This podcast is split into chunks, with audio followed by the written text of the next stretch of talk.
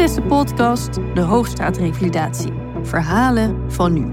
Ik sta, jongens. En hopsakee, en ze doet het. Oeps. Dit zijn de verhalen van revalidanten die ons meenemen in hun weg langs onzekerheden en frustratie. Wat nou als, als dit het is? En is dit genoeg? En in hun acceptatie en overwinningen. Houding één keer, jongens.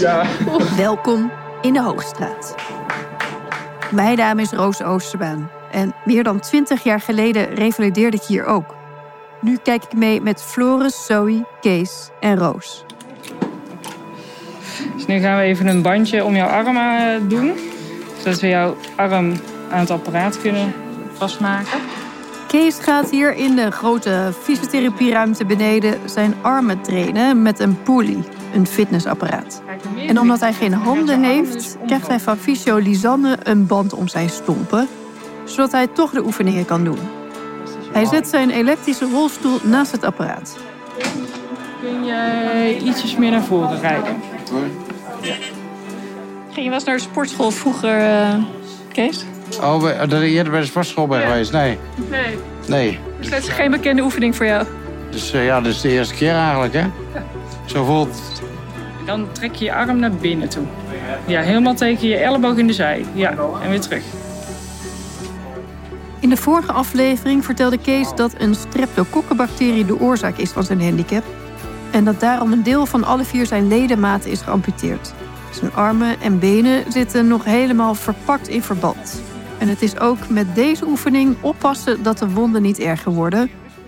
Maar het is tegelijkertijd ook weer belangrijk dat Kees, die week in een ziekenhuisbed heeft gelegen, weer soepel en sterk wordt. En hij heeft nu eigenlijk met iedere beweging heeft hij een pijnlijk gevoel en verminderde mobiliteit. Dus we hopen er eigenlijk dat dat steeds een beetje bij beetje beter wordt. Ja, je kijkt niet blij, eh, Kees. Sorry. Je kijkt niet blij. Doet wel pijn. Ja, Ja, maar je gaat toch tegen je grens aan. En ehm, maar ik weet ook voor mezelf dat ehm, die, die grenzen goed zijn om daar tegenaan te gaan. Dus dat, eh, dat stimuleert je wel. Gewoon iedere keer is weer, oké, het is weer een stap vooruit. En natuurlijk hebben we wel terugvallen. Maar eh, eh, leg ze op de weegschaal. En eh, kijk vooruit. Kees, de man die altijd positief is, hoe groot de ellende ook is. Het is voor mij een raadsel hoe hij dat voor elkaar krijgt. En het valt ook zijn fysiotherapeut op. ik krijg daar gewoon zelfs kippenvel van. Omdat niet iedereen daartoe in staat is. En dat is echt, echt heel knap. En inderdaad, tuurlijk heb je terugval. Natuurlijk heb je momenten dat het echt zwaar is. En, hè, en dat je veel aan het nadenken bent. Maar je weet jezelf wel gewoon iedere keer weer te pakken. En eh, daar heb je natuurlijk ook een team voor. En, en je, je familie, hè, mensen die je ondersteunen. Dus dat is, dat is ook heel fijn. Want het is eigenlijk altijd het biopsychosociale. Hè. Het is niet alleen wat er medisch aan de hand is. Maar het gaat er ook om hoe gaat het in het kopje daarboven. En hoe is het je sociale netwerk. Ja, en het zit er ook gewoon denk ik in jou. Dat je gewoon zo bent. Ik eh, denk, hoe, hoe is het mogelijk bijna? Jij ziet natuurlijk veel meer revalidanten. Hoe bijzonder is dat? Nou, het is in, zijn situatie wel aardig krachtig en bijzonder hoe hij, hoe hij hiermee omgaat. Dat valt ons wel op. En zo fijn dat Kees een heel ondersteunend thuisfront heeft. Hè? Want niet iedereen heeft dat bijvoorbeeld. En dan wordt een revalidatie ook een stukje zwaarder. Ja, maar wat, wat het ook is, op het moment dat ik buiten loop, buiten rij, ehm, dan ehm, dat, dat voor andere mensen meer confrontatie heeft dan voor mezelf. Ik, ik heb me er al, al lang bij, neergelegd dat het zo is. En zie andere mensen kijken en dan, dan voel je van, die denken van, oh, wat erg of weet ik wat. Maar ik denk van ja, ik ben trots op dat, eh, waar ik nu sta, wat ik kan en wat ik doe. Iedereen, iedereen heeft wat. En ehm, de ene zie je het aan, de ander zie je het niet aan. Ja, ja. Ja dat is een mooi woord eigenlijk. Hè? Ja. Ja. Vind je het vervelend als mensen kijken naar je? Nee, is helemaal niks. Echt helemaal niks. Als kinderen kijken, helemaal niet erg. Als mensen gaan staren, dan denk ik van... Je hebt volwassen verstand. Ik, ik voel dat je staart. Dus, En dan ga ik terugkijken. Ja, nou, het is natuurlijk iets wat, eh, wat over het algemeen bijna nooit voorkomt. Hè? Als je alle vierde ledemaat een, een deel mist. Van deze maatschappij is er natuurlijk een reactie om te kijken. Maar dat is ook als iemand in een rolstoel zit of wat dan ook. En als je hier in de Hoogstraat bent, eh, ja, is het heel normaal. Want iedereen heeft iets. Hè, waardoor je voor jezelf misschien ook een iets veiligere situatie creëert. Maar dan is het voor... Hè, niet iedereen vindt het makkelijk om dat van zich af te zetten. Hè, en jij hebt voor jezelf een bepaalde strategie gevonden om daarmee om te gaan. En dat, eh, ja, als dat gewoon goed gaat bij jou, dan is dat prima.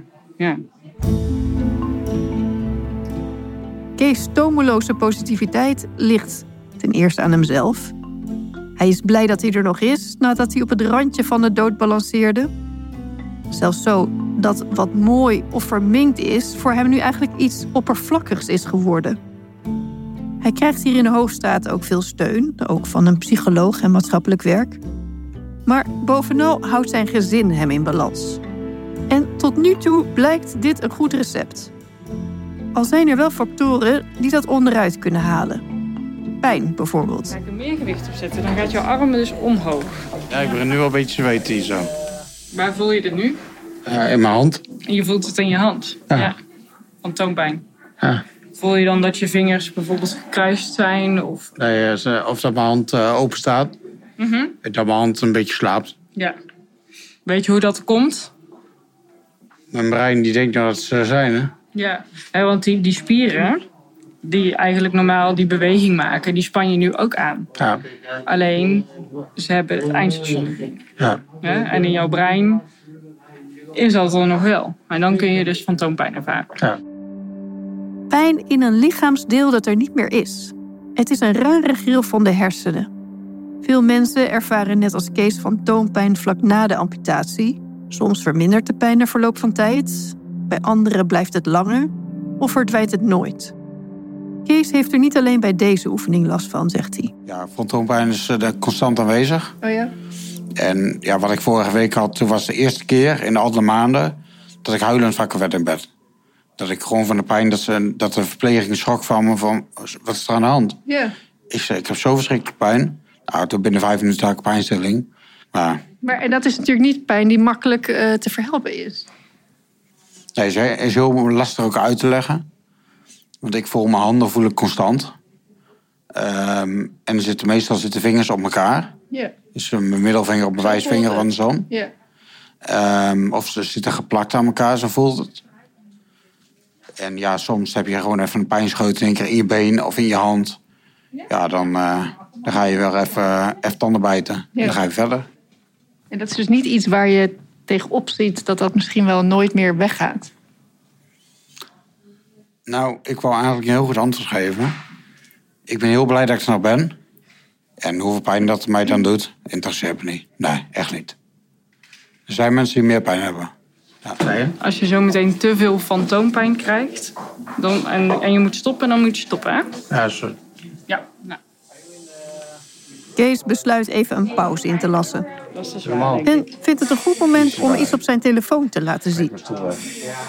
Nou, ik laat je nu de, de foto's zien wat ze, ehm, van de laatste week. En daarop is te zien eh, mijn beide benen. En het, eh, een deel weefsel en een stukje knieschijf. Wat er eh, aanstaande maandag gaan ze dat eruit halen. De operatief in Werm, de brandwondencentrum in Beverwijk. Oké, Kees, jij liet mij net soort onvoorbereid deze foto's zien. Ja, ik dacht dat je... de- Ik heb je zo vaak gesproken al. Dat ik dacht dat je, dat je die foto zo had laten zien. Nee. Maar ehm, ja, iedereen, iedereen mag van mij het zien. Oké, want heel even, ik weet ook niet, ik, heb, eh, ik weet niet goed hoe ik het moet uitleggen. Want dit, dit, is dus hoe je benen zonder verband eruit zien, deze foto. Ja, dat klopt. En jij zegt, dit is goed nieuws. Ja, zeker. Want iedere, iedere operatie eh, maken ze weer mooier. Nou, als je de foto's ziet van toen ik hier, hier binnenkwam... Ja, dat was... eh, ik denk dat de kostjes ongeveer de helft zijn van wat, wat het was. Dit been, waarvan ik best wel schrik, omdat het een been is vol littekens en korsten en witte en rode vlakken. Ik vind ze heel mooi. Ik vind het heel mooi. Ja. Ja. De eerste keer toen ik na de operatie mijn, eh, mijn armen uit het verband zag... toen zei ik, oh, wat zijn ze mooi. En toen stonden verpleegsters, die stonden bij mijn bed. Dus die keken me aan van... ja, ben je eigenlijk wel goed wijs om dat te zeggen. Ik zeg maar, ik ben er echt trots op. Ik vind ze echt heel mooi. Want waarom vind je ze mooi? Vind je het dan vervelend dat ik ervan schrik? Nee. Eh, kijk, ik vind dat iedereen een realiteit mag zien. Omdat ik weet waar ik vandaan kom. Ja. Kijk, en ehm, daarom maak ik iedere, iedere dinsdag maak ik standaard foto's. Dus dat ik iedere, iedere dinsdag zie ik weer een stapje weer uitgaan. En wat zie je dan vooruit gaan? Eh, minder kostjes, eh, de huid die dichtgegroeid. Of soms eh, minder, minder mooie plekjes, toch weer extra wondjes erbij. En dan kijk je een week later en dan is het toch weer dichtgegroeid. En Kees, als ik jouw benen dan zo hier op die foto zie, denk ik, oh, hoeveel pijn doet dat? Of heeft, heeft het gedaan? Nee, er zijn maar geen pijn. Niks. pijn? Nul. Niks. Oh, maar ik zie allemaal toch wondjes of wat wonden waren. Nee, en eh, kijk, natuurlijk na de operatie zal ik wel pijn hebben. Ja, dan, dan voel je eigenlijk de pijn waar je normaal zou verwachten aan de knieën. eh, waar de pijn zou moeten zitten.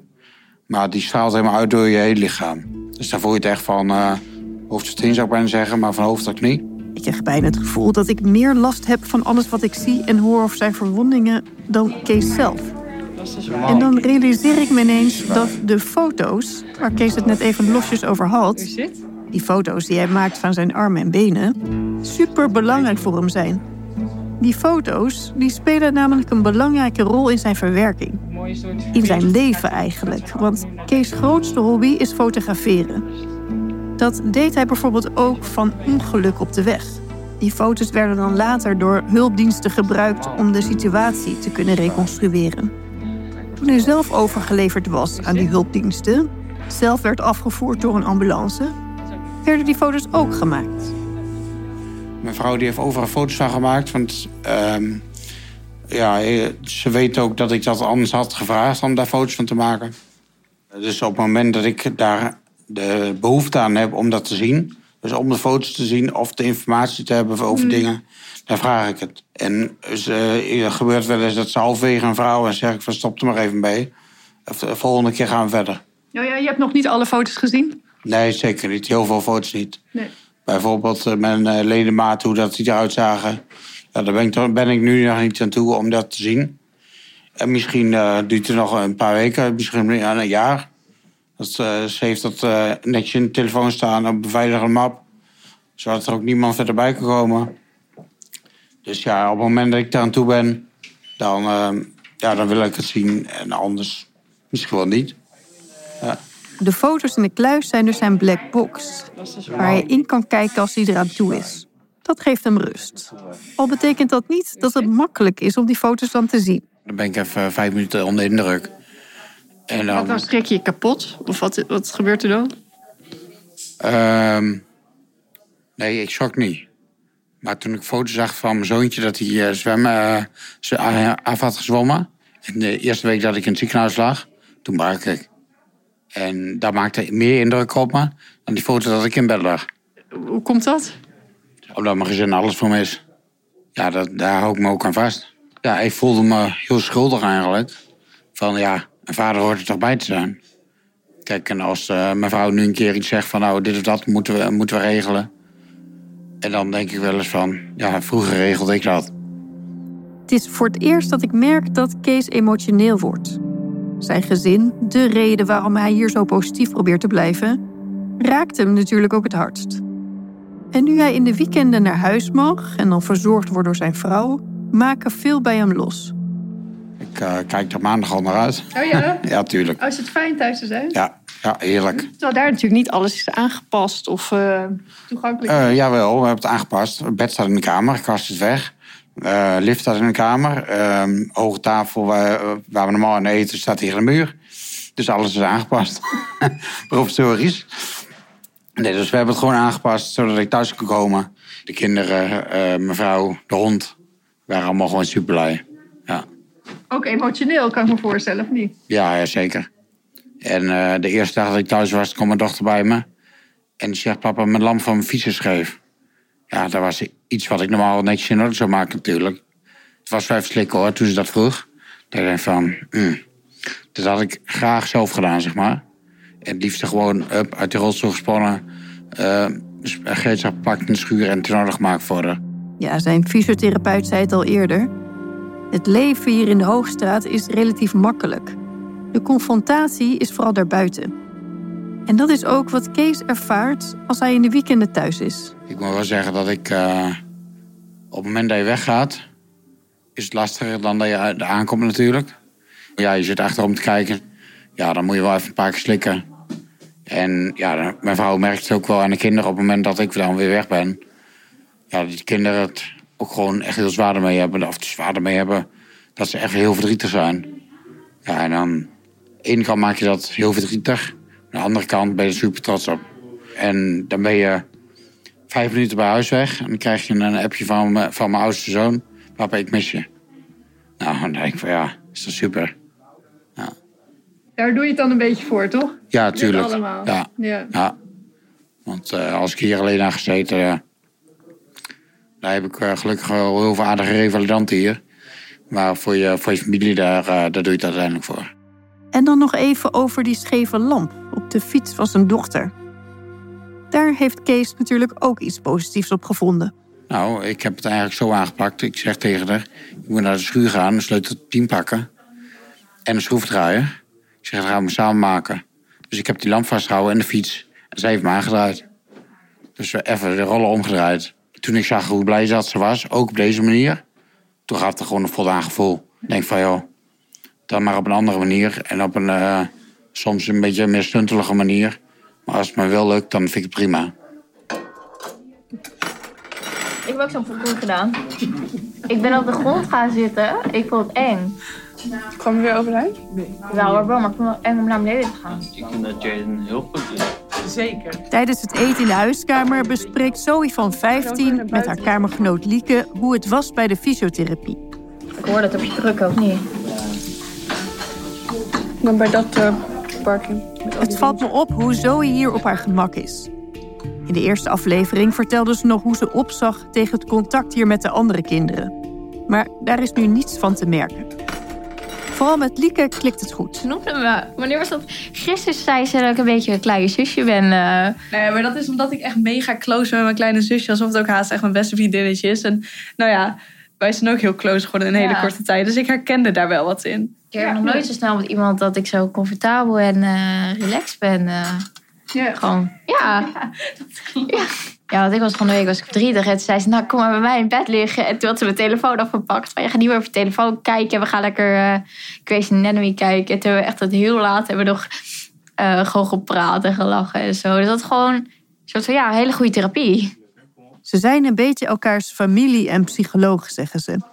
Lieke is iets ouder dan Zoe en ze gaan gelijk op in hun revalidatie. In bijna dezelfde stijgende lijn. Maar het is ook gewoon fijn. Want je kan als er iets goed gaat bij elkaar. Of bijvoorbeeld, ik heb weer iets voor het eerst gedaan. Of iets ging goed. En bij Zoe geldt dat ook. Dan ben je gewoon zo blij voor elkaar. Omdat je gewoon elkaar zo erg het gunt. En gewoon ook zo eigenlijk met elkaar meeleeft. Omdat je gewoon weet wat voor situatie de ander zit. Maar ook als het gewoon even kut gaat. En je ziet het allemaal even niet zitten. En het is gewoon even rotdag. Dan snap je dat ook van elkaar heel goed. En dan kan je er ook in die zin ook voor elkaar zijn. En er is nog iets wat ze aan elkaar hebben. Dat zie ik bijvoorbeeld bij de fysiotherapie als Zoe een parcours aflegt waarbij ze met zandzakjes pionnen omgooit. Laatste. ik gooi gewoon mis. Heeft Lieke dit ook gedaan? Ja, die had zo'n mond. Ja, kijk, dit is een wedstrijdje gewoon, hè? Want, toch een beetje competitie, hè? Kijk, nu ga ik niet tegen haar zeggen van... ik heb het slechter gedaan, weet je. Als ik het beter doe, dan kom ik in de kamer bingen. Dan, eh, Straks meer over Zoe en Lieke. Die me dan ook vertellen waarom het zo belangrijk voor ze is om ook de nare dingen die ze meemaken met elkaar te delen. Maar eerst moeten die pionnen om. Ja, ja, ja. Houding één keer, jongens. Zoe doet de oefening op een mat en heeft geen enkel hulpmiddel nodig. Het is bijna moeilijk voor te stellen dat ze eerst ongeveer niets kon bewegen en hier alleen op bed kon liggen.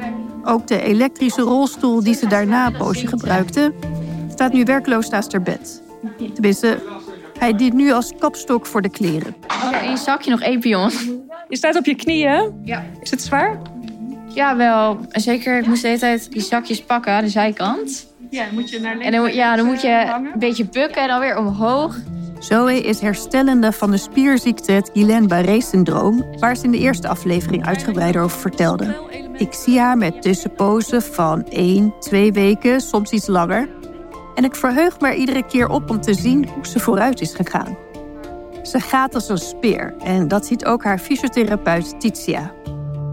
Eigenlijk kan ze nu alle spieren weer aansturen, eh, weer aansturen en is ze enorm aan het opbouwen in kracht. Zien jullie bij andere aandoeningen ook wel zo snel dat herstel?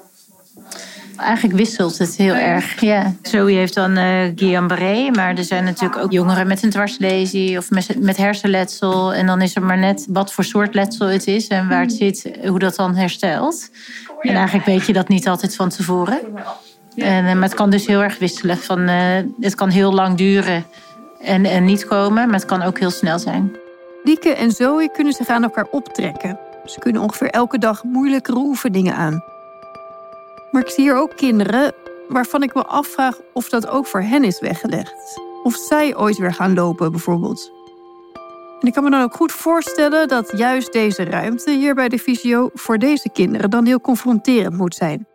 We hebben dat wel eens. Hè? Als iemand eh, natuurlijk minder goed herstelt eh, dan bijvoorbeeld eh, een andere revalidant, kan dat best wel heel erg confronterend zijn. En ik moet zeggen dat aan de andere kant ik juist heel erg zie dat jongeren en kinderen elkaar heel erg aanmoedigen. En ook heel blij zijn en trots zijn ook op de ander als die zijn stapjes heeft gemaakt. En dat vind ik wel echt prachtig om te zien. Ja. De oefening is klaar. Maar dan moet Zoe van kniezit omhoog komen en gaan staan. En dat is wel echt lastig. Nou, hopsakee, en ze doet het. Oeps. Je staat. Ja. Lekker bezig. Ik sta, jongens. Het omhoog komen, ja, de kracht zit er wel. Maar ik vind het ook wel eng om dicht bij de grond te komen. Want ik dan denk van, ja, maar dan kom ik niet zelf overeind. Het is heel moeilijk om dan weer afhankelijk te zijn. Dat wil ik dan ook niet. En je zag er even tegenop, hè, zag ik. Ja, best wel, ja. Ik vond het wel, ik denk, de grootste stap tot nu toe. Oh ja, echt je grootste stap? Ja, nee, het is echt wel een beetje dat ik dacht van, ah, gaat dit lukken? En, eh, maar op zich ging het wel goed. Goed gedaan, Zoe. Lekker bezig. Ja, Terug naar je rolstoel. Zoe gaat in haar rolstoel, die ze nu nog voor wat langere stukken gebruikt, naar haar kamer waar ze Lieke weer tegenkomt. Lieke heeft een gedeeltelijke dwarslesie door een ski-ongeluk. En net als Zoe had ook zij in het begin ernstige verlammingsverschijnselen. We weten allebei hoe het is om voor je tenen te bewegen, maar niet te bewegen. En hoe het is om gewoon geen gevoel in je- te hebben in je been. Ja, kijk, ik had nog mijn armen er ook bij mijn bovenlichaam. Maar ik bedoel, in dat op zich kunnen we heel veel, eh, ja, een beetje vergelijken. Gewoon die machteloosheid, weet je wel. Gewoon dat je zo lang zo afhankelijk bent van anderen. En eh, ja, dat je gewoon, dat je eigen lichaam er gewoon niet voor je is. Dat, eh, ja, dat is gewoon best wel heel erg kut. Ja, je Ja. lichaam je gewoon in je steek laten. Dat is echt zo'n vreselijk gevoel. Maar je bent ik dacht alleen maar van, maar oh nee, ik kan niet meer bewegen. Maar je hebt er nooit stilgestaan hoe belangrijk het is dat jij je eigen ontlasting onder controle hebt. En dat was Ja. ook voor een aantal weken niet het geval. En dat is echt mega vervelend. En daar ben ik ook zo bang voor geweest van, wat als dat blijft? Ik wil gewoon weer mijn leuke kleren aan. Ik wil niet constant daar rekening mee houden. En heb je natuurlijk zo'n katheter. En dat ding dat moest er op een gegeven moment ook uit. En ik dacht, maar wat als het nu niet werkt? En wat nou dat? En dan moest hij er weer terug in. En ik dacht, gatsie er zijn hier veel meer mensen die ook met dat soort problemen kampen. En dan zit er ook helemaal geen eh gênant aspect meer aan. Dan is het gewoon, dan is dat wat het is. Ja, precies. Nee, maar ik heb op een gegeven moment, toen jij hier bij mij in de kamer kwam, toen moest ik nog op de po. Maar ja, weet je, op een gegeven moment dan was ik daar ook overheen. We droegen nog luiers. Ja, we droegen allebei ook nog luiers. En het was van, zij, ja, dan gingen we zijn beurt even poepen daar zo. Dus het was echt, in het begin vond ik het heel gênant. Nu is Nu zeg je gewoon, Ja. Ik ga even poepen. Als jij eerst nog moet, dan... eh, ja. ja, dus wat dat op zich ben je ook heel comfortabel met elkaar geworden. Maar in het begin hadden we daar wel problemen mee met de ontlast. Nou ja, je moet toch gewoon... Je, moet, ja, je bent 17 en wie had mij kunnen voorbereiden dat ik als 17 jaar geleden nog met een luier in bed moet liggen? Dat mensen letterlijk gewoon me daarbij moeten helpen en dat ik het gewoon zelf niet in de hand had. Dat je daar gewoon niet over gaat. Ja, sorry, maar dat is echt... Dat is echt best wel een ding. En ja, ja, je moet het maar laten gebeuren, want jou wat wil je anders doen. Maar ja, soms dan denk je toch ook wel wat van potverdorie, jongens. Wat is dit nou? Waar slaat het op? Ja, ik moet echt aan allemaal dingen terugdenken. Ik dat is echt ook. heel erg. Als ik met een vriendin zou hebben dit nou, ik zou me echt schamen. Maar ik bedoel, we hebben allebei van die grappige is. verhalen. Ik weet hoe het Dus En dat is heel fijn, toch? Ja, dat je het zeker. alle twee hebt. Ja. kan me voorstellen, ja. Precies. Tenminste, fijn is misschien niet het goede woord. Ja, maar het is gewoon... eh, ja. Bij jou hoef je je niet te schamen. Omdat ik weet dat jij ook het kut vindt. Maar ook weer dat je... Ja, ik kan het gewoon doen bij jou. Nou, ik ben wel echt enorm blij dat ik met Zoe op de kamer lig. Moet ik Ja. eerlijk zeggen. Want dat maakt het echt gewoon voor mij gewoon, een, gewoon haast leuk om hier te zijn. Ja, dat je zegt dat het bijna leuk is om hier te zijn. Ja, ik vind het niet heel erg. Maar ook sowieso wat je de hele dag door doet, vond ik ook niet, vind ik ook niet vervelend. Door support en fysio. En tegenover je familie en vrienden die dan horen over wat voor ziekte of ongeluk je hebt gehad. Ben jij ineens degene die het heftigste mee heeft gemaakt. En hier word je toch wel even in perspectief gezet dat het veel erger kan. Dat er veel meer mensen zijn die ook dingen doormaken. En hier is het niet van, oh je bent zielig en je hebt zoveel meegemaakt. Hier is gewoon van, ja, zie er maar weer bovenop te komen. En wij helpen je daarbij. Dus het voelt hier eigenlijk wel gewoon als een fijne plek om te zijn. Omdat het ook gewoon ja, het haalt je uit dat hele heftige. Ik vind dat ze het mooi verwoorden. Hier zijn haalt het heftige eraf en zet het in perspectief. Dat doen zij bijvoorbeeld door ervaringen met elkaar te delen en door in te zien dat het ook nog wel erger had gekund. Zoals bij de kinderen in de fysiotherapieruimte bijvoorbeeld, die, net als ik, waarschijnlijk nooit meer gaan lopen. Ik ben dus voor Lieke en Zoe een voorbeeld van hoe het erger had kunnen zijn. Voor mij was dat Rinus, die in dezelfde periode als ik revalideerde. En hij bestuurde zijn elektrische rolstoel met zijn hoofd, omdat de rest van zijn lichaam verlamd was. Toen ik hem later een keer opzocht, bleek dat hij heel gelukkig was met zijn vriendin in hun aangepaste huis. En bespraken ze hoe ze hun kinderwens wilden gaan realiseren. Maar terug naar Lieke. Ze vertelt dat vlak na haar val het onduidelijk was of zij ooit nog zou kunnen lopen. Ik heb, ben zo bang geweest dat het niet goed werd. Dat ik gewoon echt helemaal, dat ik gewoon echt zoveel paniek ervan kreeg. Dat ik me dat gewoon niet kon voorstellen, niet wou voorstellen. Maar ik was er wel heel bang van. En ik denk, ja, bijvoorbeeld, ja, u ook en al die mensen wel, die hebben dat toch wel moeten verwerken en een plekje moeten geven. En het lijkt me heel heftig om dan wel om je heen mensen te zien die wel beter worden en die wel dat soort dingen kunnen. En dat, ja, weet niet, dat vind ik gewoon een heftig besef. Ja. Vooral omdat ik zelf ook heel bang ben geweest dat dat voor mij was weggelegd. Maar ja, dat is gelukkig niet zo. Maar ja, het is wel een beetje dubbel. Ja, jullie zijn nog helemaal niet klaar hè, met jullie revalidatie, maar wel al best wel lekker op weg, als ik dat zo eh, mag zeggen. Kan je nu al iets zeggen wat het je misschien ook in goede zin heeft opgeleverd?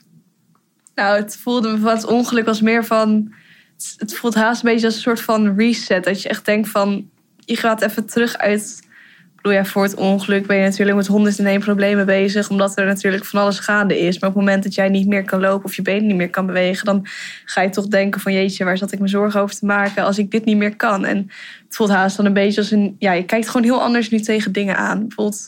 Ja. ik heb nog nooit zo genoten van lekker zonnetje buiten. Ja, klinkt heel erg typisch dit. Maar dat ik denk van, van heel veel kleine dingetjes kan ik nu zoveel meer genieten. En in plaats van dat ik me meteen zorgen maak over alle dingen die er mis zijn. En met school en met mensen in je omgeving. En met ja, alle zorgen die, die heb ik nu. Ja, dat ik denk van ik heb ze nog wel. Maar ik denk ja, het maakt me wat minder uit. Omdat ik gewoon nu wat meer door heb wat echt belangrijk is. En wat ik echt wil. Ja, ik vind het heel zweverig klinken. Maar ja, het is gewoon Lieke en Zoe vinden het hier een veilige, bijna wel gezellige plek. Waar ze niet kunnen blijven. En dat besef valt haar zwaar. Ik wil me er nog niet mee bezighouden. Want ik wil gewoon hier nog even blijven, het liefst eigenlijk. Eh, ik ga het echt heel erg missen wel, als ik naar huis ga. Ja, het is echt stom om te zeggen over een revalidatiecentrum. Maar ja, ik, ga, ik zou het ook wel missen. Ze willen er nog helemaal niet over nadenken. Maar Zoe moet haar oude leven buiten de Hoogstraat sneller oppakken dan haar lief is. Ze gaat weer een dagje naar school.